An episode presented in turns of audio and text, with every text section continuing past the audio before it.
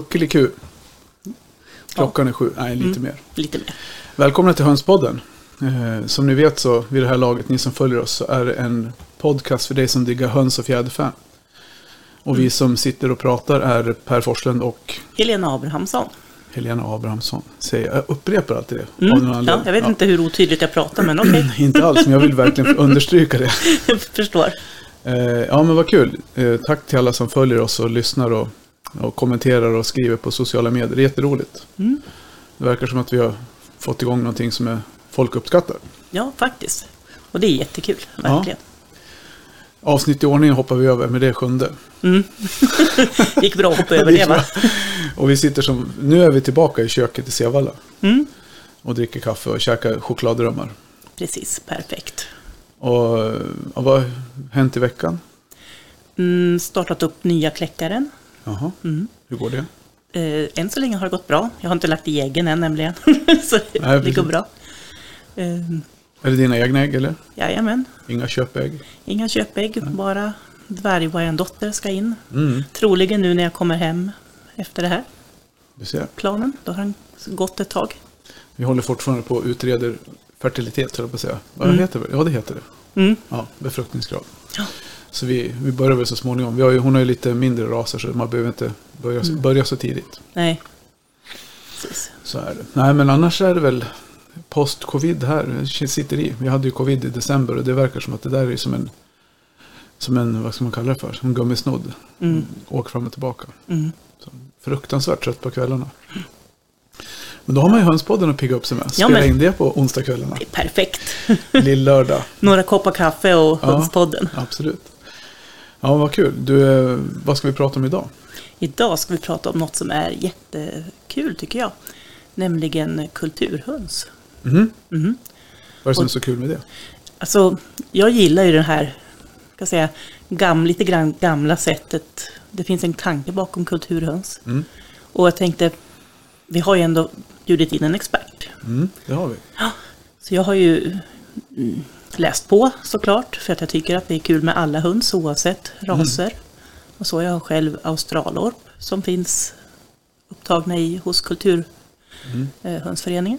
För det var vi noga med att understryka i början att eh, Mm. bara för att vi håller på med en rasfjäd, rasförening så är det inte sagt att det, finns, att det är bättre eller sämre. Utan Nej, höns, vi har ju, våran slogan är ju föreningen för dig som älskar höns. mm, Och det ju, gäller ju i allra högsta grad. Det är ju bara Mm. en, att man tillhör en speciell liksom, gruppering i. Mm. Och det är inte religion vi håller på med, utan det är ju Nej. djur. precis. Fast ibland vet man inte riktigt. Ja, vi är väl på gränsen ibland va? Fast jag har inte upplevt det. Alltså jag kan Nej. inte säga att jag har känt av det eller märkt det på något sätt. Liksom att det skulle finnas några motsättningar egentligen. Nej, nej, jag tänker mer på att det blir så där att man skaffar sig en skara höns och sen skaffar man en större skara höns och sen tillber man dem lite grann så får man lite ägg eller... Mm. Ja, men precis. Jo, men det är en annan sak. Ja, det är stora sak. Hund, stora hönsreligionen så. Ja, som befri, liksom berikar den med. Mm. Nej, men jag tänker just bara med någon form av motsättningar. Det har väl aldrig liksom riktigt... Ja, det är klart, jag, jag och min Ja. fru vi har ju samma intresse. Så. Ja, precis. Och det är väl de enda vi träffar. Ja. Nej, men så... Ja, nej, så, så det är därför, eftersom vi inte är experter på just de här raserna kanske, så är det bra att vi kan få hjälp, Ja, tänker jag. Yes. Men vi gör så här, vi släpper in våran gäst. Eh, och ska höra, ska se här.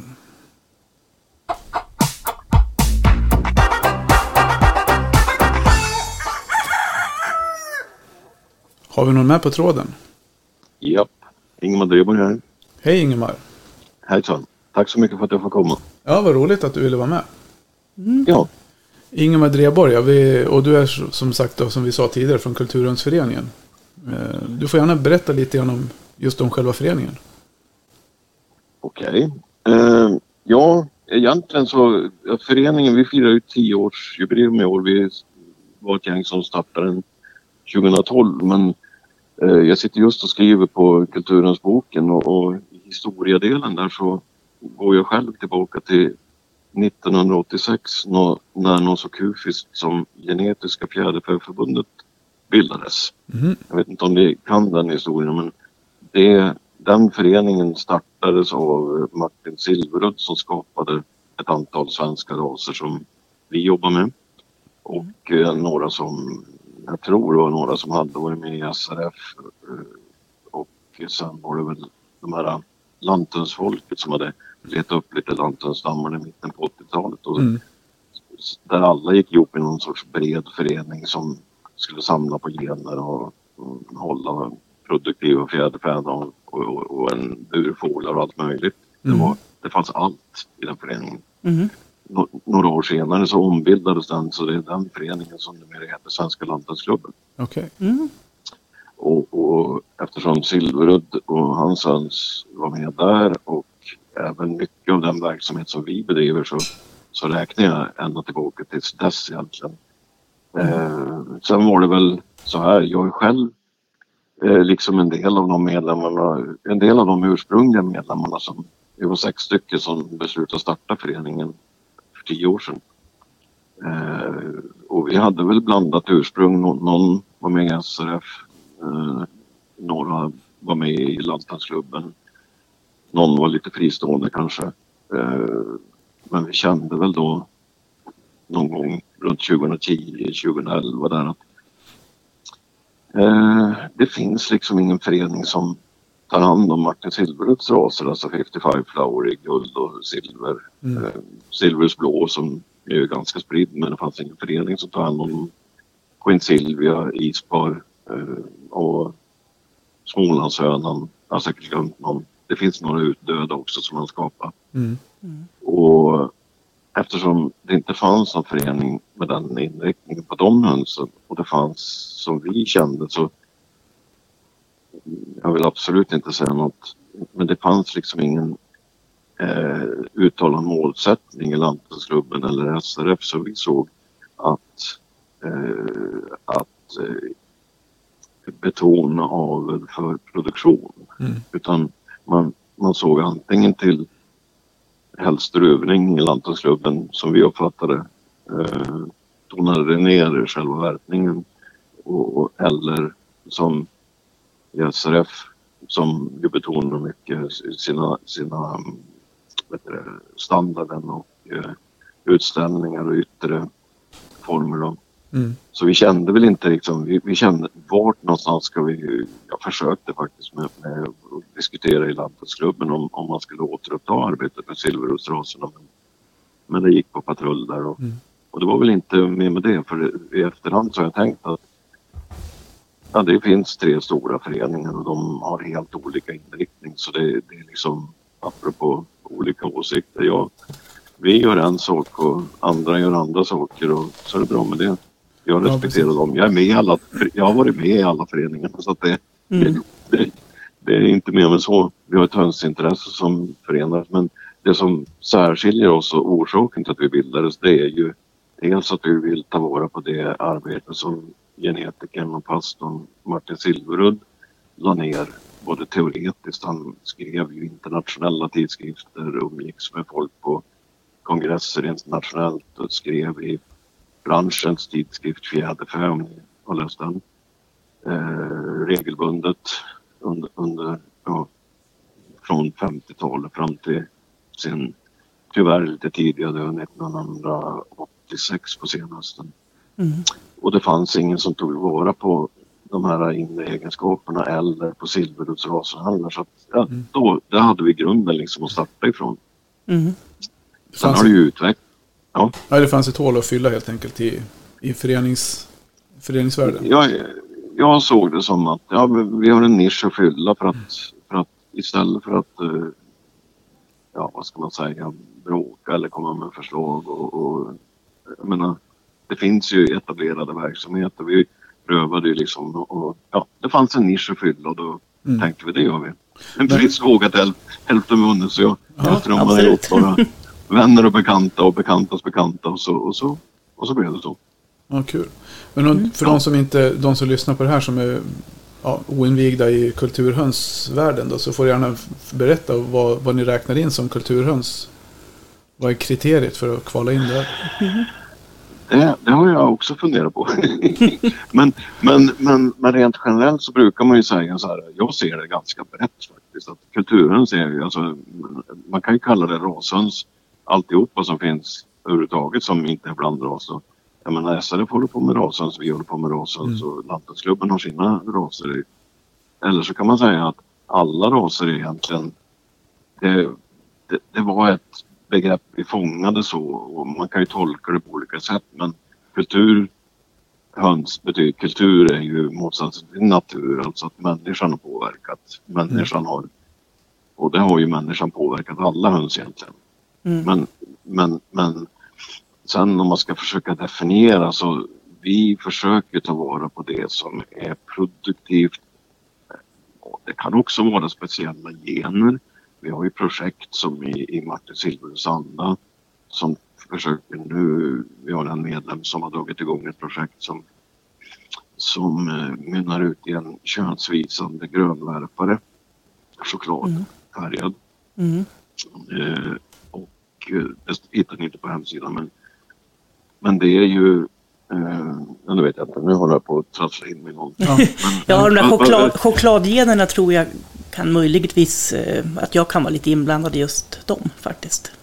Mm, det är möjligt. Med, en chokladfärgad alltså, tupp. gränser och gränser. Jag brukar tänka så här att om, om, om för jag har ju efter att vi startade med Martin Silverwoods raser, de vi hade tillgång till. Vi hade tillgång till en linje vitlegon och till en, en gammal rir eller ja, den, det var lite Minorca inblandat i den, den som nu heter Eksjöhönan. Mm. Eh, som är ju unik. Det är ju för, vår förening som har skapat den egentligen. Mm. Ja, det kan jag berätta mer om inte sen. Men, men förutom det så har vi ju lagt till och vi har ju liksom, det har ju gått till så här att på rykten eller på mitt snokande, oftast mitt, ibland andras, så har vi hittat nya linjer, nya raser. Jag kanske har köpt in eller någon har köpt in och testat där man, där man har, har, jag får förståelse för att här finns det produktiva Plymouth Rock. Ja, men då kollar vi upp dem och så test, testkör vi uh, unghöns och ser hur pass mycket värper de, hur bra växer de. Mm. Vi har hittat New Hampshire, utvärderat dem och någonstans har väl gränsen legat på 200-220 ägg per år. Mm. Typ hårt. För, för sen kan man ju utveckla det här. Vi sprider kun, gammal kunskap.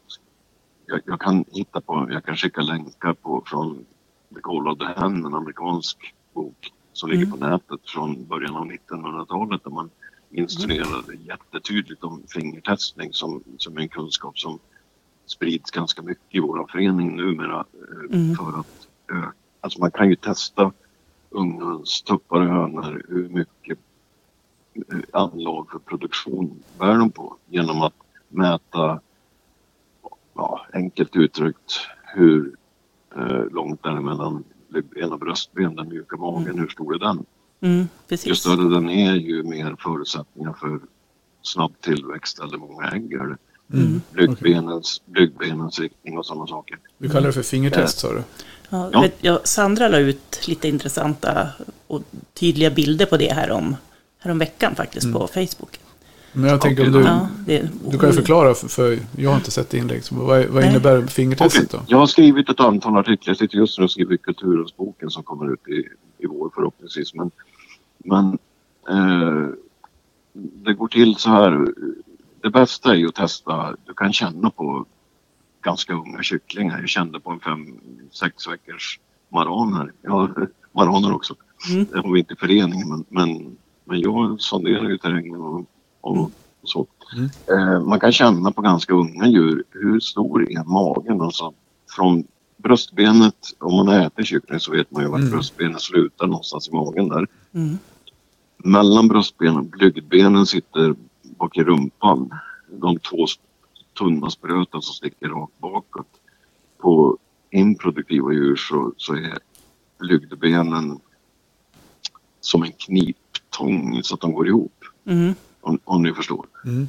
Eh, på produktiva ungdjur så står de rakt bakåt eller mera som en slangbälla lite utåt. Så i- rakt bak liksom. Det är ett mått som ofta avgör eh, äggstorleken och att det är en bra värpare. Och Mm. avståndet från bröstbensspetsen till blygdbenet alltså. Hur, då tar man handen på tvären och känner hur många fingrar får man in. Mm. Mm. Eh, Och det finns ju gamla, alltså när de prövade legon i den här gamla eh, skriften som jag pratade om, Call of the Hen, så, så drog de likhetstecken när de testade en legon på får du in två fingrar så värper den, ja om det var 180, får du tre så värper den 200, Mm. får du in fyra så värper den si så många, får du in Mm. full hand så värper den 260 ägg. Alltså, Mm. och det är, stämmer jättebra. Jag har ju tillämpat det här ganska länge med, med fingertestning. Mm. Jag började prö, prövande redan på Åsbo som jag hade för 15 år sedan. Mm. Och där var det inte så mycket man fick in om man säger så. Spännande. Eh, Så, att, så att det går att utveckla. Jag, jag har köpt in New Hampshire till exempel. Jag har köpt in Queen Silver. Jag har köpt in många, alla raser som jag köper in som inte är avlade för produktion där folk kanske har kläckt, sparat alla hönor, sparat random tupp. Mm. Så testar jag och får i regel, ja, jag får ta bort allt ifrån, allt ifrån 0 till 50% 70 En del är ingen idé att fortsätta med ens. Men det, det går väldigt ofta, även om de, ingen har avlat på produktion på New Hampshire fanns ju produktionen på 50-talet till exempel, 60-talet började den eh, komma hit i inte så jättestor skala som legon. Men och det sitter kvar. Mm. Alltså generna sprids. Så att, eh, ett exempel då på New Hampshire. Jag plockade, och det var samma med Queen Silvia samma år. Hälften bort. Och satte i en bur. Mm. De värpte i stort sett ingenting. Den andra halvan, de, bara, de var ju hur produktiva som helst. Mm. Är ni med? Ja, Ja, precis. jag och, fattar. du, du testar dem själv innan du... Ja. Och sen selekterar Ja, sen tog jag avelsägg av dem och, och på det sättet genom att, för det är ju ärftliga faktorer där. Mm. Så att på Mm. det sättet och tupparna är, är, är ju lika viktiga i detta.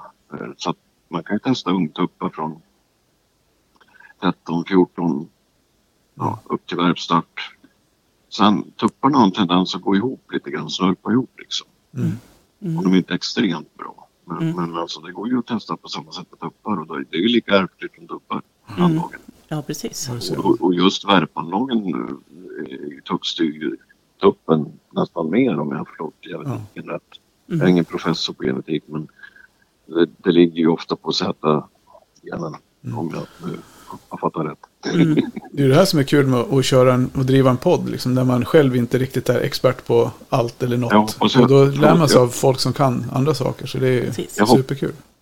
Jag hoppas jag uttryckte mig så att ni förstod. Ja, ja absolut. Absolut. jag, jag förstod i alla fall. Jag har slaktat en del djur, så Alltså, jag vet ungefär anatomin. Mjuka ser ut. magen, då lägger man och, och då håller hönan i, jag är ju högerhänt då, men jag håller hönan med vänsterhanden, Mm.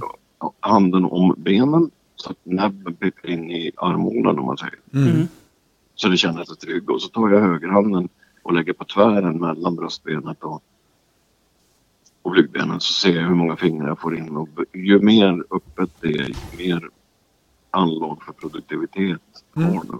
Precis. Är det legor så är det ägg det handlar om. Är det New Hampshire så är det ägg och tillväxt. Mm. Ja, Ja, precis. Beroende på om det är en... Eh, om man tänker att det är värp eller kombinationsraser och så. Jag tänker alltså, att det beror på om det är en värpras eller en kombinationsras. Jag tänker att för de som inte vet skillnaden liksom mellan en leghorn som ju är en, ja, en föregångare till dagens värphöns egentligen. Ja. Och ligger väl bakom mycket. Precis. Jo, jo man, man känner ju på om man, om, om man inte är, är, är bekant med alla begrepp så, där, så, så känner man på blygdbenen till exempel så är de ju tunna på en höna som är mer lagd åt att värpa och de är tjockare på en. Det ser man ju på, ni har ju säkert noterat det på att en, en stor kraftig muskulös tupp av stor ras har ju ofta väldigt grova ben. Mm. Och det är ju samma med blygdbenen. Mm. Ja, Så redan där känner man ju liksom då, jaha det här kommer nog spruta ut ägg om det är väldigt tunna ben. Man får vara försiktig när man känner på dem där. Mm. Mm. Mm. Ja, precis. Men du, om vi eh, kliver tillbaka till det vi pratade om när vi gled in på fertilitet eller på äggproduktion. Vad har ni för, vilka raser är det som räknas in i, det kan man se på en hemsida, men nu har vi dig på tråden så tänker jag, är- Oj. vilka raser räknar ni in i Kulturhönsföreningen? Kommer, har du det, jag har inte ens kollat, jag har inte gjort någon research alls, jag jobbar dubbla skift den här veckan så jag inte, det är Helena, men jag tänkte, jag ställer frågor som jag känner, själv känner att jag vill veta svaret på. Mm. Egentligen är det ett vitt begrepp. Eh, vi stambokför idag, alltså vi har ju en stambok då som Mm. där, där det är de vi kan ha koll på. Ibland så, så blir det ju men det är ju liksom vårat sätt att bevara och, och avla och utveckla de här. Och då har vi Australorp och brunlegon. Börjar med två stycken från står överst på vår hemsida. Mm. Som ju finns i ganska stor mängd utanför stamboken. Just de två. Mm. Eh, men vi har en stambok för Australorp och vi har en för brunlegon. Eh, brunlegon är väldigt få de men Eksjöhönan som är en liten rir kan vi säga. Mm. Vi har listat ut att det är till 75 procent en liten den, den stora brunäggsvärparen på, på hönserier eh, på 60-talet Mm. till 75 procent och sen är det Minorca av produktionstyp Mm. inkorsat i den. Och så säger man, vi har renodlat den i färg så att den ser ut som en liten värprir om man Mm. säger så. Mm. Den ska inte vinna många poäng på en utställning kan jag säga men den värper himla bra och Mm. den har bevarat r- rirs egenskaper om Mm. vintervärpning och mörka ägg. Sen har vi 55 Flowery som finns i guld och silver. Vi har något som vi kallar för gammelsvensk vitlegon som finns i tre olika linjer Mm. med lite olika härstamning ur gamla svenska och eh, något nordiskt eh, hönseri. Bland annat de sista bevarade eh, på SLU som man, som man tog tillvara från svenska och något nordiskt eh, hönseri eh, 69 tror jag det var. Mm. Jag har en fullständig förteckning någonstans. Och sen har vi en uh, New Hampshire, Pekinganka, uh, nu hoppar det här. Mm.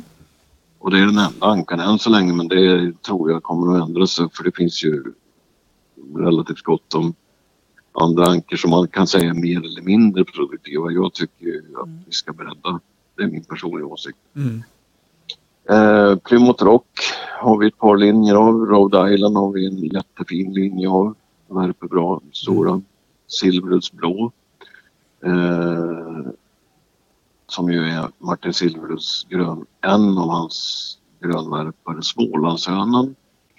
Som Martin Silverud tog fram för att det är ju egentligen en legol med lite, lite rir i för att eh, spränga den här vallen av vita ägg som är typiskt för legon. Mm. Att om man tar bort det så att det är lite, lite tonat. För han, hans tanke, Silveruds tanke, som ju också är våran tanke, är att många av de här raserna är ju alldeles utmärkta i småskalig äggproduktion Mm. Mm. eller köttproduktion. Och, och korsar man då en, tanken var att korsar man en smålandshöna med en brunvärpande, till exempel eksjöhönan eller rir eller någon, så får avkomman ett av korsningseffekten värper de många ägg. Två, de får mycket mer med sig av det här bruna skalet. Mm. Mm. Och bruna skal tilltalar ju kunderna mer Mm. än beige. Sen har vi Barnevälder. Eh, jag går över till projekt här som, och projekt när jag Mm. läser på hemsidan. Det Ja. betyder ju att, att vi utvärderar eller i vissa fall att vi återskapar eller avlar. Eh, eh, Delaware, Barnevälder är för övrigt eh, en, en på gång till stambok och Delaware är en amerikansk köttras som där man använder 75 New Hampshire, 25 Plymouth Rock. Mm. Det tar utan rovdjur och sjukdomar så tar det väl fyra år för att få en färdig färgren Delaware. Det har tagit mig sju år Mm. Mm. för att jag har haft lite mink och hök här. Ja, du ser. Ja, de kommer man inte Så- undan. Nej. Nej, tyvärr. De, de underlättar ju inte återväxten direkt. Nej, det är, ja nu ska jag inte svära. Nej, precis. Nej. Nej, men det så är det alltid. Vi hade ju förberett någon fina tuppar till utställning vi skulle åka iväg på. Så det tog, då kom ju minken och hälsade på, så var de borta. Mm. Då blir man glad. Nej, inte så. Men ja. Eller väldigt oglad kanske. Ja. Nej, men Delaware, Delaware- är ju alltså en stor ras som värper klart försvarbart och oerhört. Den ser ut som, om ni inte har sett på bilderna så ser den ju ut som en sussex. Alltså, den Mm. har ju t- eh, tvärandhet under så att de här halsränderna är huggna till så det ser ut som prickar. Mm. precis. Och så är den bulligare som en New Hampshire om man säger. Mm. Eh, sen har vi Isbar som är en gammal eh, silverrödsros som, eh, som eh, ser ut i fjäderdräkten som en Delaware, alltså vit med svart i, i halsen och prick, svarta prickar i halsen. Mm. Tupparna kan man säga att det är tvärandning på, eh, på både Isbar och Delaware så att i färg är de exakt lika. Den är något mindre och värper gröna ägg. Mm. Och, och den är under återskapande så att säga. Det, det kanske är en... Delaware är nog inte långt borta. Isbar kanske är ett par år, jag vet inte. Mm. Mm. Sen jobbar vi med norsk jägarhöna sen ett par år. Mm. Eh, Queen Silvia, guld och silver som är en gammal silveruddsras. Den korsade eh, vitlegon och eh, den här riren då. Som Mm. vi numera har i Eksjönen. Som ju, ja, den, utseendemässigt så är den ju relativt lik braken. Mm. Mm. Men, men kycklingarna ser helt annorlunda ut. De är ju måstecknade, Ja, måsungar. Mm. Och, och, och det beror på att det är andra gener i helt enkelt. Att det, det är en, eh, en gen som han upptäckt som man kallar för EQ som man numera har sett även i Bress tror jag det är. Och någon annan ras. Som, som styr eh, så att, att det inte ser ut som de här eh, klassiska viltteckningen ekorre. Piff och puff. Ja, Ja, ja nej, precis. precis. Mer som en måsunge då. Ja. Silverhems är en annan ras eller återskapande som, som är en liten, lit, en liten Sussex-tecknad New Hampshire kan vi säga som ska värpa många bruna ägg. Mm. Det var mycket, ja, det är många raser. Jag räknade till tror jag, 13-14 innan du började på med projekten. Jag är inte färdig än. Nej, precis. Jag tänkte, du nämnde tidigare det här med stamboken. Vad har ni för, liksom, för regler som, som eh, gäller där för stamboksdjur? Jag säger väl som jag bara så. Vi har dragit klart alla som står på hemsidan. Vi har några till på gång som, som vi jobbar med. Ja, Eh, vi har dragit igång ett projekt med produktiva, vi har hittat blommehöns som är på noll, ja vi har tre stycken som har utvärderat linjerna 0,82 ägg per höna och dag. Det är inte fy skam. Sen pausar de det. Men du frågar om reglerna. Vi försöker, och det har väl sin orsak i att, att vi alla, eh, ingen av oss som drog igång det hela gillar byråkrati eller att krångel och papper. Och, utan det, det ska vara säkert men enkelt. Så Ja. att, eh, vi har en enkel ansökan där man skriver sitt namn och vem man har köpt djur av. Och, ungefär så. Och så ska man bifoga bilder eh, ibland på kycklingar på de här könsvisande raserna. Mm. Eh, För att vi vill ju se att, att eh, en australorp ser ut som en australorp och att en rir ser ut som en rir. Och, Mm. Eh, de könsvisande raserna är det ju oerhört viktigt att det inte blir något trassel med inkorsningar och gener som, som man tyvärr ser om man köper random Mm. 55 silver så är inte könsvisningen så himla bra. Så Nej. vi har jobbat jättehårt för att eh, selektera mot bra könsvisning. Då. Mm. Eh, Så att det är några bilder på djuren och det är en enkel ansökan. Sen är reglerna satta så att, att eh, jag menar, skulle vi sätta reglerna eh, vi, vi satte reglerna väldigt brett. Mm. Du får, ha hur- vi- du får ha hur många raser du vill, bara du håller dem säkert och upptäcker du korsning eller vi gör det så får man backa och göra om. Mm. Mm. Jo. Eh, vi litar på människor. Mm. Det måste man göra anser, anser vi. Eh, för att även om man, hur man än gör det så kommer det att hända olyckor och då får man backa i vilket fall. Jo, men så är det.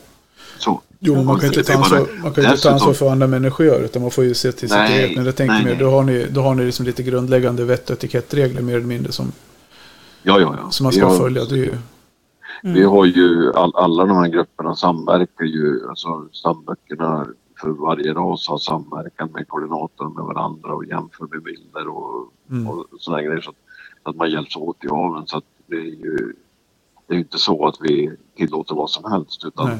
Vi kanske inte har en standard med, med, med, med jättepetet med, med, med stjärt, eh, stjärt procentuell, vad heter det? Ja, vinkel. Ja, stjärtvinkeln. Det, det Mm. kanske vi inte är så hårda på. Men, men däremot att generna är rätt. Förstår ni skillnaden? Mm. Ja, precis. Jo. Och, och att sen, eh, typen och att inom vissa ramar kanske något bredare än en, än, än en, än en standard. Då, men- för, för att samtidigt är det ju så här, ska man selektera för hårt på utseendet och Mm. samtidigt på produktion så, så kanske det blir inte så Ja, nej, precis. Mm. Nej, men det... Eh, men reglerna är så och, och re, re, sen, sen har vi inga tvingande regler i övrigt. Du kan till och med ha en, en bland, hönsflock. Om säg att du har en blandhönsflock där du har de du stambok för. Säg att du har brunvärpare och beigevärpare eller vitvärpare. Och så vill du vara med i stamboken för silverusblå. Då kan du ha en silverusblåtupp i blandflocken. Mm. Ingen annan tupp. Och så har du silverusblåhöns som går bland de här. Och så plockar du de gröna äggen till avel. Mm. Ja, Enkelt. Ja, precis. De, Ja. de är renrasiga, punkt. Ja. Jag kan ha flera, flera raser. Jag själv kommer att ha 20-talet raser här. Mm. Mm. Eh, eh, efter, efter att jag, jag går i pension här så att jag håller på att bygga ut verksamheten. Och det är inga problem. För att tillåter vi folk ha många raser så eh, det finns ju många som gillar att ha lite olika och Ja. då får vi fler som vill stambokföra. Så enkelt är det ju. ja, men Det precis. ska, det ska inte vara krångligt. Nej. Nej, men Eh, så är och, och det. då håller man liksom koll, håller man koll på antal kläckta kycklingar och jag tänker äggproduktionen är såklart viktig och, och liksom andra parametrar som man som ni så att säga håller koll på eller vad ska jag säga. Eh, ja, Till stamboken Det är tänker ja, till stamboken. Nej. Men precis, Det är att man, så man vet hur ser produktiviteten ut på de här linjerna och så vidare. Det Eller är hur? inga tvingande grejer att du måste skicka in en rapportblankett varje år. Men däremot Nej. så försöker vi uppmuntra eh, eh, uppfödare att under en period, vill de räkna, jag menar har man en seriös verksamhet så är det många som räknar ägg hela året. Mm. Sen finns det någon som man kanske kan få att lägga fram ett kollegieblock och, och teckna upp alla ägg inom tre månader så kan man räkna ut ett snitt Mm. där och en, alltså Mm. en, en, man bruk, förr brukar man ju säga, det, vilket vi använder mycket, att en höna värper 0,85 ägg per höna dag. Mm.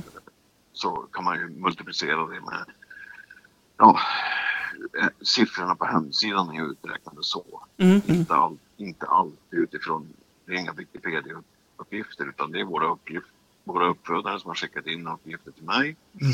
Jag har dividerat och multiplicerat eh, den här siffran då 0,82 till exempel med 300 för att vara på säkra sidan så att det inte ska vara några glädjesiffror utan Mm. Då blir det alltså 65 dagars paus vilket många av de här hårda värparna inte tar. Nej. Nej, Så precis. de värper ju betydligt mer än som står på hemsidan många gånger. Om Mm. man driver dem, om man inte driver dem så kan de ju värpa mindre. Om Mm. man inte har några extra ljus och inte ger dem kraftfoder tillräckligt. Och, om ni förstår. Mm. Ja, absolut. Precis. Det finns inga, det finns ju en del som sätter upp listor på så här, så här mycket värper så sex ja, under vissa förhållanden gör vissa linjer det. Mm. Ja, men. Ja, men jag fattar. Ni har lite, då, då är finns det liksom ett luftigt regelverk som man uppmanar folk att följa. Och sen får man, är det upp till samvetet att hålla sig till det. Liksom. Och sen skickar man in lite rapporter till er och då. Så det, det är ju bra. Då har ni ju liksom en överblick över de som är anslutna och hur, det- hur det funkar. Ja, alltså rapporterna är ju inte nå- något som någon tvingas till utan det är frivilligt på Mm. frivillig basis. Och, och, om jag får nämna det så har vi ju en annan verksamhet. Vi, vi är ju inte bara ett gäng hobbyodlare utan, utan grunden som jag pratade om från början är ju att det- detta är produktiva djur som har funnits i Ja, precis. Silverud skapade rasen till exempel för att han ville underlätta för små äggproducenter att ha ett alternativ till de multinationella bolagens hybrider. Mm. Och vi har ju samverkan med exceptionell råvara och våra många uppfödare, eh, vi har väl några tiotal, säg 20, 30, 40, jag kommer inte ihåg exakt, som numera samverkar och peppar varandra för, för antingen äggproduktion, ägg och köttproduktion. Mm. Och de är ju ännu, de är ju verkligen intresserade av det, efter efterfrågar uppgifter på har du räknat ägg, har du fingertestat, sprider sina egna uppgifter och vilket ger ringar på vattnet. Ja, precis. Men det är, det är inget tvång att alla måste skicka in. Nej. Nej.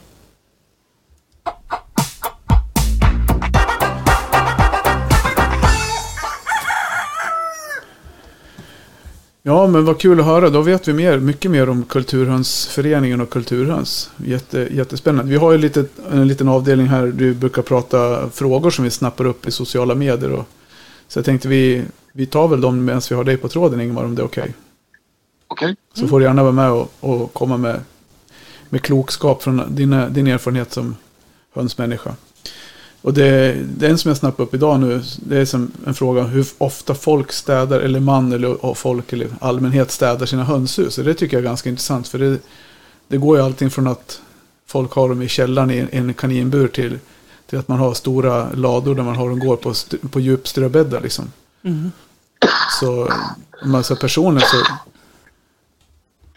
Vi gör ju rent när man ser att det börjar bli mycket liksom träck i ströt och sådär. Vi har ju aldrig några djupströbäddar utan vi brukar ju försöka mocka ut vartefter. Mm.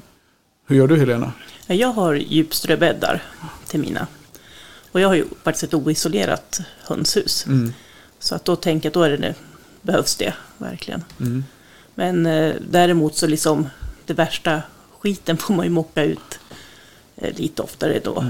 Så om det, när, när, säkert på vintern när de ändå går in. Annars är ju idén att man ska fylla på. Men ja, bajsbrädor och lite av det värsta tar jag. Mm. Men liksom man har ju hört allt ifrån att folk går och plockar med plasthandskar och plockar små bajskluttarna. men Vart är men det, det gör inte jag. Hur gör du Ingemar? Hur, hur brukar du hålla dina regelbundenhet på rengöring? Ja, jag har ju en sak i teorin och sen har jag en sak i verkligheten. Ja, ehm, Ja, men ta, Nej, får te, ta teorin då hur du tänker. Alltså, nej, nej då. Nej, det, det blir mer åt djupströbädd-hållet och, och av flera skäl egentligen. De- Dels har jag ju liksom, ja, nu är jag i slutet av yrkeslivet, det var 45 år sedan jag började. Men, men, Mm. Mm. men ehm, så, så det är tidsbrist när man, när man ska eh, ta initiativ till en sån här förening och, och jobba heltid eh, Mm. och så vidare. Så, så, så hinner man inte alltid utan då slänger man in strö ovanpå. mm. Eh, Sen finns det en annan orsak till det egentligen, tycker jag. Och det är att eh, det finns... Jag brukar tänka mycket på resistensavel och det finns ju smittor i varenda hönshus och Mm. ibland Mm. slinker det med någon levande djur hem och man får någon ny smitta. Och utsätts djuren, är, är det för rent och, och så utsätter man inte djuren alls. Är det, är det lite skit i hörnen så att säga så får de ju utsätts de för smittorna. Är då någon, saknar de, de motståndskraft så kan det ju hända att någon blir sjuk. Mm. Mm. Ja, Men då, är de, då har de andra motståndskraft som sen ger avkomma vilket gör att avkomman kommer att vara eh, mycket motståndskraftigare. Mm. Mm. Eh, det gäller ju framförallt kycklingar där eh, koxidier. och Jag har ju mina kycklingar inne i ladugården och, de får ju utsätts ju för en hel del. Mm. Eh, Vi hade ju med oss Anders Söderberg. Jag vet inte om du känner igen han uppe från Rättvik? Jag känner igen namnet, ja. Ja, han är ju en gammal erfaren uppfödare. Han hade ju... Han hade ju... en- Han kör ju mycket att de går tillsammans på vintern inne i, i lador. Men han, han menar ju på att det viktigaste var väl ändå att man hade rätt luftfuktighet. Att det var liksom inte för fuktigt utan det var torrt. Torrt och kallt var bättre än var, än varmt och fuktigt. Jo, och det där är ju ett problem för att jag, jag har ju själv en gammal torparladugård som jag har med mig nu. Nu ska jag bygga ut ett nytt hönshus och då har jag faktiskt tänkt det just på grund av fukten för det blir gärna lite fuktigt i de här gamla Mm. eh, murade ladugårdarna och det är inte så himla stort heller. Så, så tanken, min tanke är ju att bygga med, i trä med torpargrund och det kommer ju att- bli mycket torrare. Mm. Även om jag har, skulle ha med Mm. så blir det torrare. Jag, jag har ingen erfarenhet riktigt av djupströbädden. Men kan inte den vara med och reglera fuktigheten också? Att den suger åt sig om det blir luftfuktighet? Det blir lite varmare. Ja. Så. Mm. Mm. Jo, men, jo, men jag upplever också att man märker liksom när det är väldigt hög luft, luftfuktighet och suger den ju åt sig. Ja, Så då behöver man ju, precis som Anders sa då, eh, strö på mer. precis. Lägg på lite mer ströpe på för att få torrare klimat. Ja. Mm. Men just det där med stenlaggårdar tror jag jag känner igen känslan av att det gärna blir lite rått, lite Mm. fuktigt. Mm. Jag tror mycket har det att göra med vad du har för golv. Om du har alltså jordgolv rätt under. För vi har ju gjort en del olika hönshus här. Det vet ju du Helena. Mitt, Mm. Ja, min, mina experiment. Hönskullen. Ja, hönskullen. Vi har en så här, jag tror vi har nio olika höns, hönsbyggnader. mm. Och jag har gjort lite olika golvkonstruktioner. Jag jag tycker att de konstruktionerna som är, de husen som har isolerade golvkonstruktioner, de är absolut de som är torrast. Mm. De som har direkt markkontakt, där blir det mycket, mycket mer fukt av naturliga skäl. För att de, det är jordmarkfukten som, Ja. ja, som stiger upp. Och så. Det var lite så jag menade för min, Ja. min gamla torparläggård den är ju la- plattan lagd på, på en eh, inte helt väldränerad plats. Precis. Mm. Jag har försökt, jag har sista åtgärden åt sista hållet så att säga snart. Medan det nya kommer att, att bli med torpargrund och trä. Mm. Då blir det ju luftigare. Precis. Ja. Så jag tror det är liksom betongen suger upp fukt underifrån. Mm. Ja, precis. Det gör det. Ja, Ja, ja. för det går ju rakt igenom betongen. Så det, det är ju Ja. naturligt. Och det är, ja, nej, men vad bra. Men då har vi lite check på det. Sen vad använder du för strö? För vi, själva så använder vi ett strö från, eh, som är riven, riven halm. Easy-strö från Svenska Foder som är, jag tycker det är helt, helt överlägset. Men vad, vad använder du själv? Jag har exakt samma åsikt. Ja. Jag upptäckte det där för några år sedan och så jag kör bara med isoströ. Ja. Torv tycker jag blir lite mörkt. Det, Mm. det suger nog lite bättre men det blir väl mörkt och sågspån.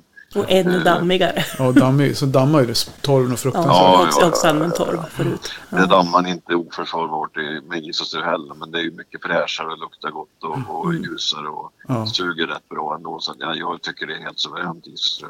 För Mm. många, många använder ju sågspån och vi, hade ju haft, vi har ju haft det i perioder att prova såg. Till, vi hade ju hästar förut. Och då provade vi både såna här blandade torv och sågspån. Men jag tyckte aldrig att det blev, det blir en sån här frän lukt. Alltså Mm. det blir en otroligt frän doft av, av sågspånet som- som sticker i näsan. Jag upplever inte alls det med, med halmprodukter. Nej. Sen, jag är, ursäkta om jag bryter in, men jag är ju sån här som är lite odlingsfreak också. Och, Ja. Alltså, vi, vi behöver ta vara på den här jorden om den inte ska braka sönder tror Så jag. det. Och, och, så, så jag vill ju gärna vara självförsörjande. Och Mm. använder du is och strö eller torv så går ju eh, gödslet att eh, ströt, det går ju lätt att använda till, till, Mm. till jordförbättring. Och hur, hur bra som helst. Sågspån, sågspån behöver, du, be, behöver nog ligga många gånger längre innan det går att användas. Jag skulle säga att det knappt går att använda. För du får så mycket Nej, det, terpen, men det behöver terpentin. många år innan Ja. det bryts ner. Mm. Det blir så mycket terpentin i den där, när är den där hyvlade. Så jag tycker man får... Jorden blir nästan knappt... Nej, den blir som mjölig liksom. Jag tycker inte Det alls går att det inte att jämföra. Och just att när man har den här som isestöd, i och med att den är så finfördelad så blir det ju ganska snabb eh, kompostering på det. Så jag tror att på ett halvår till ett år så kan man ju lätt lägga ner det som jordförbättring. Mm. Jag, jag planterar äppelträd direkt. Jag tar direkt från hönsgolvet och ut. Det är inga Ja. problem. Nej, Ja, nej, men jag tänker liksom lite grann när man mockar ut djupströbädden då, för på sommaren har jag lis- inte lika mycket. Då det går att ta direkt. ja. Det beror på hur mycket, man, hur mycket näring man vill tillföra. Ja, ja precis. Ja, jag har inte så mycket blommor kvar. Jag vet inte, Nej, vad, det, jag vet inte vad det beror på. Kan både höns och Jorsbo hundar. har vi jätteäppelträd. Ja, jo, äppelträden, de, de funkar bra. Äpplen som, få äpplen som basketbollar. Ja, typ. Du, Ungefär. nej, men, ja, men det var bra. Det var bra inspel där. Så har vi, fick vi utrett den också, hur ofta man städar sitt hönshus. Det är helt och hållet upp till dig själv. Exakt. Hur Ja. mycket man vill ha. Vi har alltid de klara, tydliga svaren på Ja. frågorna, eller hur? Ja, precis. Sen har vi en annan fråga. Du ser ju du frågan du med eftersom jag skickade över manuset till dig. Det här med att skicka Mm. avelsägg. Det är en sån här fråga som jag tycker dyker upp jämt. Mer eller mindre. Och, och vad som kan hända när man skickar. Vad man kan förvänta sig av skickade ägg. Och, och hela den här biten. Har du några erfarenheter Helena? Ja, alltså jag har både tagit emot och skickat ägg. Jag har inte skickat så mycket för det är ett himla meck om man ska skicka bra. Mm. Helt enkelt. Jag hade, ja, jag vet jag beställt 12 ägg, Mm. fått fyra kycklingar, en dog, sen dog en till, så var det två kvar. Men Ja. ja. Så att det är lätt hänt när du är just skickägg att det inte blir samma kvalitet. Nej. Men, Då, men man kan ha tur också Ja, på precis. 100. Det, men man ska inte räkna med det, tänker Nej. jag. Nej, men för man läser ju ofta att folk blir förbannade och missnöjda och anklagar hit och dit i Mm. Facebookgrupperna där när alltså den som skickar äggen har gjort något fel liksom. Mm. Och den som, den som tar emot äggen skyller på den som har skickat äggen. Och den som har skickat äggen skyller på posten. Men Mm. det finns väl någon, det är väl någon sanning mittemellan, jag vet. Vad, vad säger du Ingmar? Vad har du för, har du någon erfarenhet Oj. av det? Nej, Jag kan prata en timme om det här. Men, Du får 30 sekunder. Jag Ja. skojar. ja, okej. Nej, men jag skickar jättemycket. Jag har skickat efter mycket. Jag, skick- jag, nu håller jag på att bygga ut som sagt. Jag, jag skickar efter ägg från eh, många olika. Jag åker och hämtar ägg också. Och bara där, så det finns de som säger ja men jag åker hellre och hämtar. Mm. Ja men hur transporterar de då? Ställer de då på skuffgolvet eller, eller någonting Mm. utan något skydd eller något? Är det ju lika illa som när posten hanterar dem. Mm. Så då får man ju i bilen får man ju skydda äggen. Isisrö som ni tog upp är ju perfekt att lägga i äggkartongen så att de inte ska skaka till exempel. Mm. Det kan man göra. Så lägger man upp på sätet med någon, någon mjukt runt omkring. Då har man skyddat dem mer än posten. Mm. Eh, sen, sen går det ju, jag, jag kör ju med, jag skickar 15 pack. Så har jag minst 5 centimeter runt omkring. Ofta har jag använt hö eller isolering Mm. runt om och så isströ in i kartongen. Det Mm. finns andra som har skickat skickat på olika sätt till mig. Och, ja, nu senaste vintern jag har fått två kycklingar och 15 ägg från någon. Jag har fått 14 kycklingar och 15 ägg från någon annan. Mm. Och, och det, det är ju liksom inget att gnälla över. Det, det, är ju, det är ju så det är med posten. Det, Ja, precis. Mm. Jag brukar, jag brukar säga det, det är, någonstans så hamnar det, handlar det om vad du förväntar dig och vad du... Alltså om du har för höga förväntningar till det utfallet du får, då blir du ju besviken. Men om man... Jag tror folk generellt kanske ska skruva ner förväntningarna lite grann på köp. På skickägg, Ja, liksom att- att man, man, man lite grann... För du kan ju inte... Befruktningsgraden, det säger sig. Jag har 100% befruktning, säger folk. Ja, men det är ju svårt att veta. Man kan, ju, man kan ju kontrollera äggen och veta att man har en hög befruktningsgrad. Men för den skull behöver du inte lyckas med ett kläck. Bara för att det är hög befruktningsgrad. Det kan ju vara så att den som kläcker misslyckas med, med själva kläckningen också. Så det finns ju väldigt stora, många variationer i det där. Mm. det finns massor med saker före. Alltså vänder man en gång varannan dag eller vänder man två gånger samma dag.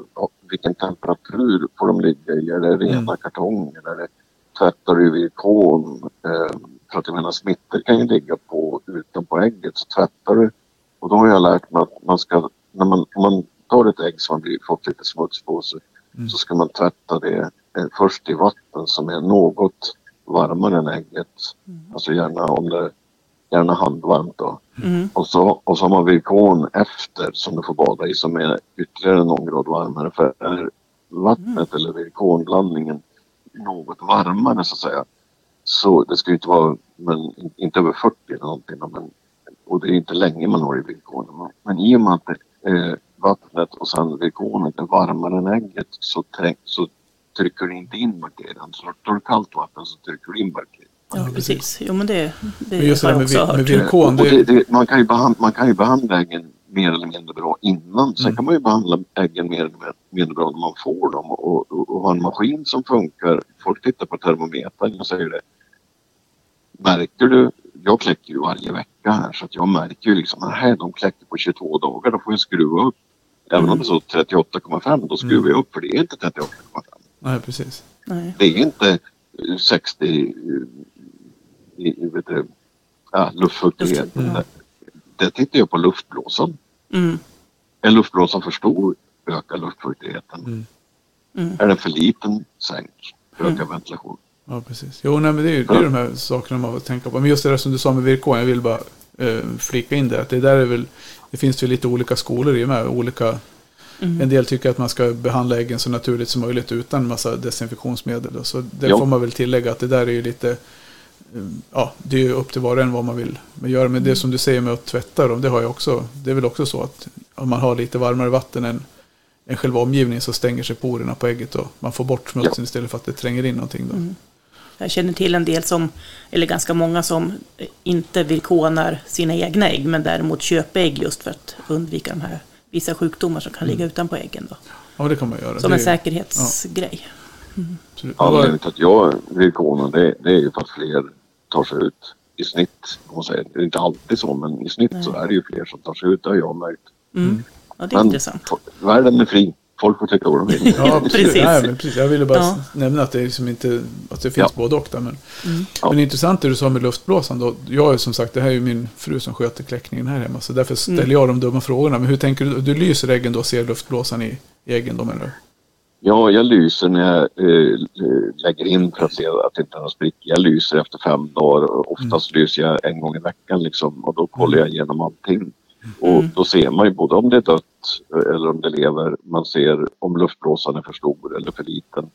Eh, och, och, och det att jag sa så det är för att eh, min erfarenhet är, jag, i en kläckare så testade jag en gång att ha fyra olika termometrar. Det var allt från kvicksilver till, till digitala och ingen visade samma. Nej, precis. Nej. Vi hade samma problem en gång. Vi höll på att bli galna. Alltså det var, hur vi, hur vi än gjorde så blev det fel då. Men det, Om man då, då finns det ju ett bra mått. Kommer de ut på 21 dygnet, Mm. då är det rätt. Mm. Märker man att de börjar, om, om man kläcker mycket då så säga, eller om man har kläckt en gång och märker att de kommer ut på dag 22, ja men Mm. öka värmen med några tiondelar då. Eller kommer de ut på dag 20, sänk med några tiondelar då. Precis. Ja, det är, det är ju logiskt när du säger det. Så, Som sagt, det är, inte jag, det är det som är skönt när jag inte är inblandad i kläcket. För då behöver inte jag känna att jag har gjort något. Men jag kan ju... Jag vet ju att min fru lyssnar ju på det här så hon, hon kan säkert det här redan. Så då, vi brukar ha ganska bra kläck när vi kör. Ja. Så, Ja, jag, har- jag har ju haft allt, men jag, jag är också nybörjare. Jag har väl haft i runt fem år nu. höns. Men eh, jag lär mig hela tiden. Så jag ska också sätta på elementet hemma, för det har jag lärt, lärt mig att man behöver ju ha en jämn rumstemperatur vid kläck också. Jag har ganska kallt i mitt hus. Så att, eh, ja, så jag får sätta på ett element för att ha i rummet jag har kläckaren. För att få en jämnare temperatur dygnet runt. men du Du Ingemar, behöver du inte som, ursäkta, du behöver inte ursäkta dig för att du är nybörjare. För jag, jag, jag skaffade mina första höns 87 och, och jag lär mig fortfarande massor. Ja, Ja, men det var det det är jag bra. tänkte säga. Man- Är man nyfiken och intresserad då lär man sig hela livet och hela tiden. Så Ja. det är, ju- men har du något bra tips? Vi, vi pratade, Helena skrev lite grann i inlägget på Facebook här inför förra avsnittet. Att, för när, Oskar sa inte det när han var med, men han sa det till mig någon gång för något år sedan när vi träffades på Nationalen. Att, eh, ja, Oskar Hesselmo, han sa det att eh, han brukar ge sina tuppar eh, hampfrö, för det var rena Viagran för, för tupparna. Men har du något, något knep för att få liksom bra befruktning och få igång liksom potensen på djuren? Nej, jag har aldrig eh, funderat i de banorna. Däremot så har- jag tänkt utifrån, alltså det beror på, har du fem hönor räcker ju en tupp. Det är ju ganska bra för inavelsgraden att ha ytterligare någon tupp och speciellt om det är en ovanlig ras. Och, och, och så, men eh, det, det, det finns två skäl till att det har varit dålig befruktning i min och det har väl aldrig varit Viagran egentligen. ibland kan det, ibland kan det vissa, vissa inavlade linjer och raser kan ju ha jäkligt, alltså man märker det när man korsar dem med en annan att korsar du så får du 100% befruktning helt plötsligt. Medan renrasiga inte har det. Sen, sen, sen finns det två eh, vanliga orsaker. Det är att du har eh, för många hönor på en tupp eller eh, nästan det vanligaste, om jag har noll befruktning då, då har, jag, eh, har det varit något sån här år med, med mycket löss och så hittar man eller ja, vilken sorts ohyra det är, det vet jag inte. Men det finns ju någon form av ohyra som, som, som gör att det blir vita klumpar runt, eh, ring, runt eh, fjäderpennorna, runt kloaken. Mm. Och blir det det på tuppen och eller hönorna så, så är det ju svårt att komma till. Ja, Ja, just det. Då är det bara att rycka dem där och så har man helt plötsligt befruktning. mm. ja, du ser. Precis, och det, det handlar lite grann men, men jag får och så hampafrö sa du? Hampfrö, ja precis. Han Ja. sa det att det var, det var bra potensmedel för, för tupparna. Då, får han, då blir de... Men hur, hur många hönor, för det är också en fråga, nu är vi ändå inne på frågestund då. För det här är också en fråga som, jag tror vi tog upp det någon gång förut, men då var det mer att man inte ska ha för många tuppar på hönorna. Men hur många hönor tycker du att en tupp ska ha i, för att det ska vara optimalt? Har du något sånt gyllene mått? Pratar du med mig? Jag pratar med dig. Du är experten i avsnittet. Oj, ja tack. Expert vet jag inte men nej alltså det, det där är, det vet jag inte om jag... Ja, hur brukar du tänka har- när du sätter ihop om du ska avla, ta avelsägg? Har du liksom har du 30 hönor på en tupp eller har du 10 hönor på en tupp? Eller mittemellan? Absolut inte eh, en, en, en tupp. eh, Jag tror att det kan bli problem med en på 10. Mm. Alltså, eh, jag skulle aldrig ha mer än 10 hönor till en tupp. Så. Dessutom ökar det, det är ju jäk, väldigt hög inavelsgrad om du har en tupp och 10 hönor. Du har liksom, det är bara 10 olika kombinationer på generna om man ska förenkla det lite grann matematiskt. Har du däremot tre tuppar till den där eller fyra tuppar till 10 hönor så får du oerhört många mer genkombinationer som lever vidare i Mm. nästa i avkomman. Och dessutom får du bättre befruktning. Eh, men det är ju ekonomi och det är ju, folk gillar inte när, alla gillar inte när de galer och så men, men Nej. och sen hur stor grupp har du? Har du tre hönor, ja men då är en tupp lagom. Mm. Ja, men Jag har, jag har en avelsgrupp på min Delaware-grupp. Där gick det tre tuppar och tre hönor till varandra bara för att jag inte fick tummen ur och Mm. flytta på tupparna till några extra tuppås. Men Det går ju bra så länge tupparna inte slår ihjäl varandra så då funkar det ju. De, de, de ehm, slog inte ihjäl varandra. Sen var det ju några som fick lite veta av sin plats. Men, Men tycker du att det funkar att ha, för vi har ju, min känsla, vi har, vi har haft några grupper då när tupparna har gått tillsammans. Och då, där det har funkat, där det har varit fred bland tupparna. Men jag tycker ändå att det är en, ändå bara en som får, får liksom vara på para. Så där har man ju ändå inte tjänat någonting på att ha två tuppar. För den ena som är lägst i rang, han får ju inte, om han försöker, då får han ju stryk. Så, men Ja. hur upplever du där? Då, är, har dina tuppar, får de komma till båda två då på något vis? Eller? inte i det fallet eh, på en trång yta inomhus. Jag har dem i, i det här fallet och jag, i nybygget jag ska göra så kommer vara, varje ras ha en egen utgång. Men i en Mm. gammal ladugård så är det ju inte, det är ju bara att slänga in dem för vintern. Ja, precis. Eh, och då blir det ju inte så. Då får man ju istället ha ett tuppbås och byta tupp då och då för att det ska bli olika Mm. väder. Ja, men Mm. Eh, men, men, men jag tror inte att, att jag skulle inte ha en tupp till mer än 10 hönor. Det är Mm. klart att det finns tuppar som klarar 15 men, men jag tror att ehm, eh, om du säger att du har en större anläggning och många hönor så, så jag menar nu, nu ska jag ta ett exempel. Jag tror jag läst någonstans i Jo, det var i Flemming Sköttes den här hur- hönsskötsel på rimligt vis som jag läste den. Ja. Nej, ja, inte jag. ja, jag har den. Nej. Okej, jag får Ja. låna den av dig. Mm. Vi, vi säljer den. Ja. Okej, vad bra. Jag börjar med, Men- jag nej, börjar med låna den av Helena. Ja, det. precis. Ja, men den, den är rekommenderad. Den är liten och, och för den läsvåg som mig så passar det alldeles utmärkt. Men den, den innehåller mycket vettigt faktiskt. Ja. Men han, han beskrev eh, hönsens naturliga beteende i djungelhönsen i, i, i, den boken. Och de brukar, de flockarna är max 25 djur tror jag Mm. om jag minns rätt. Och, och av de 25 djuren så var det väl, rätta med Helena om, om sa jag rätt namn nu? Ja. Ja, mm. Jag är jättedålig på namn så jag ber om. Ja, har du helt rätt. Eh, jag tror att, han skrev att det brukar vara fem tuppar och 20 hönor någonstans ungefär Mm. eller fyra, 19 eller något sånt där och då höll ledartuppen till i mitten och parade de hö- ranghögsta hönsen medan alltså i det vilda i djungeln då Mm, med, mm. medan ungtupparna vaktade ytterkanten på reviret och, och fick nöja sig med lågrangs unghönor då. Mm. Ungefär så. Så det skötte sig själv. Han menar på att de där skötte sig själv då, i naturen, att det var så.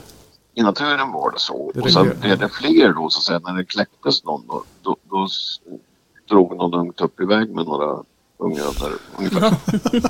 Det drog de. An, Ja, Ett antal tuppar levde, lever nog helt själva och blir mat för rovdjur. Och, ja, ja precis. Mm. Någon blir ju utstött i flocken. Det brukar ju vara så när det blir Ja. olika, när det föds för mycket av något. Mm. Men du, jättetack Ingvar. Tiden börjar, vi ser, vi har en, ingen timer, men vi, vi kanon. Vi har av, avhandlat alla ämnen. Alltså. Ja, da, dagens frågor Dagens till och frågor, med. ja precis. Mm. Ja, men supersnällt att du, att du ville ställa upp och att vi fick, att du kunde bjuda på så mycket bra information. Vi är Mm. jättenöjda. Ja, verkligen. det var ju trevligt om det var till någon glädje. Ja, men Ja, absolut. Jag tror absolut. det finns jättemånga lyssnare som... För vi, vi ser det i och med att vi är med i... Vi är ute och kommenterar och skriver i olika hönsgrupper om det här så får vi kommentarer från alla hönsgrupper. Och där ser man ju i de grupperna vad folk har för höns. Och det är ju allt, från him, allt mellan himmel och jord. Mm. Så vi försöker ju suga upp allt som vi får frågor på. Så drar vi det vidare in i, i, ut i etern. Precis. Och ni, ni är ju lite nya för mig. Jag har varit fullt upptagen med massa Ja. annat. Men nu har jag hittat er Facebook-sida så nu lär jag Ja. kunna... Och eran kanal på, vart det nu var, Spotify tror jag var jag Ja, hittade. just det. Så jag Ja, precis. började lyssna. Ja, vad kul. Jättekul. Mm. Ja, men vad bra. Men du, vi får kanske anledning att återkomma längre fram. Och är det någonting du vill... Du får väl pusha om det är någonting du vill att vi ska prata om så får du bara höra av dig. Ja, precis. Okej. Super. Tack så Men mycket för att tack, jag fick vara med. Ja, Ja, tack så mycket. Tack så jättemycket. Hörs då. Hej. Ja. Hej. Hej.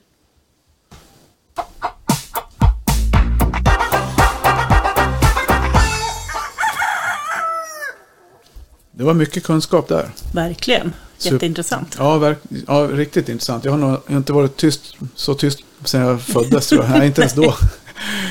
Nej, jag vet inte. Jag har, det är sällan man lyssnar så. Ja, men bra, kul, kul att ha en sån erfaren människa från en annan del av hönsvärlden mot en jag är liksom mer van. Fast Ja. å andra sidan så börjar min hönsresa också med en odefinierbar hög med, med höns. Liksom. Så det, är ju, Mm. det visar ju bara att det här med höns är någonting för alla. Det är det verkligen. Så ja, Finns höns för alla smaker. det gör det. Helt enkelt. Helt klart. Ja. Men du, eh, ja, vad säger vi mer? Ska vi, är det dags att runda av? ja, jag tror faktiskt det. Jag känner att jag vi är nog ganska nöjda och behöver smälta allt, all information kanske. Ja. Ja. Man kommit till det läget när man sitter här, manuset är till slut. Japp. Det, det snurrar nästan i huvudet. Det, det så här, så här, vet man, man kramar ihop någonting, det- man får ju luften ur en grej. Så bara Mm. måste man släppa tillbaka sin luft i Ja. bollen. Mm. Vad ska du göra den här veckan? Framåt? Ja, jag ska väl laga bilen på fredag. Ja, inte jag då, men jag ska i alla fall lämna in den. Ja. Så det är väl kul. Ja, jag håller på med badrummet. Ja, Det är snart klart. Men jag tror faktiskt jag ska ut och fiska helgen. ja det låter ju härligt. Det var länge sedan nu. Ja. Så vi får, och sen blir det lite hönseri däremellan. Ja, det hinns ju alltid med Det, såklart. ja, man har ju inget, inget val. Ut och Nej. plocka lite ägg och Ja, sanda lite på hönskullen och dona. ja det, det, det behövs mycket sand. Så får vi se. Du, men vi har ju en intressant grej. Vi fick ju svar ifrån SVA idag. Ja, just det. Och så om ungefär fyra fem veckor Mm. kommer vi, om, ja precis, kommer vi ha med representanter från SVA som Mm. svarar på frågor och spörsmål. Japp. Verkligen superintressant. Tänker jag att det kommer bli. Ja, så det är samma sak där. Jag vet inte om vi ska utlysa någon omröstning, det behöver vi kanske ner, nermedlet. Men vi har en lista med frågor. Men är det något speciellt ni vill ha in, information om från, från just SVA så hör gärna av er så vi får med liksom det som ni där ute vill vi ha. Mm. Precis. Men vi är ju vetgiriga så vi har en lång lista Ja, redan. det, det har vi ju som tur är. Men det kanske finns någon som har ytterligare bra ja, frågor. precis. Gärna en specifik fråga. Mm. Men tills dess får vi tacka. Ja, du, vi glömde förra avsnittet och säga ni som Just lyssnar det. på det här, ja precis, det måste vi skriva ner i manuset. Mm. Om ni gillar det ni hör så får ni gärna berätta det för era vänner och bekanta och sprida den här podden. Om ni inte gillar det ni hör så får ni gärna höra av er till oss och komma med inspel på vad vi kan göra annorlunda. Precis. Och med de orden så Ja, tack för oss. tack för oss. Hej då. Hej då.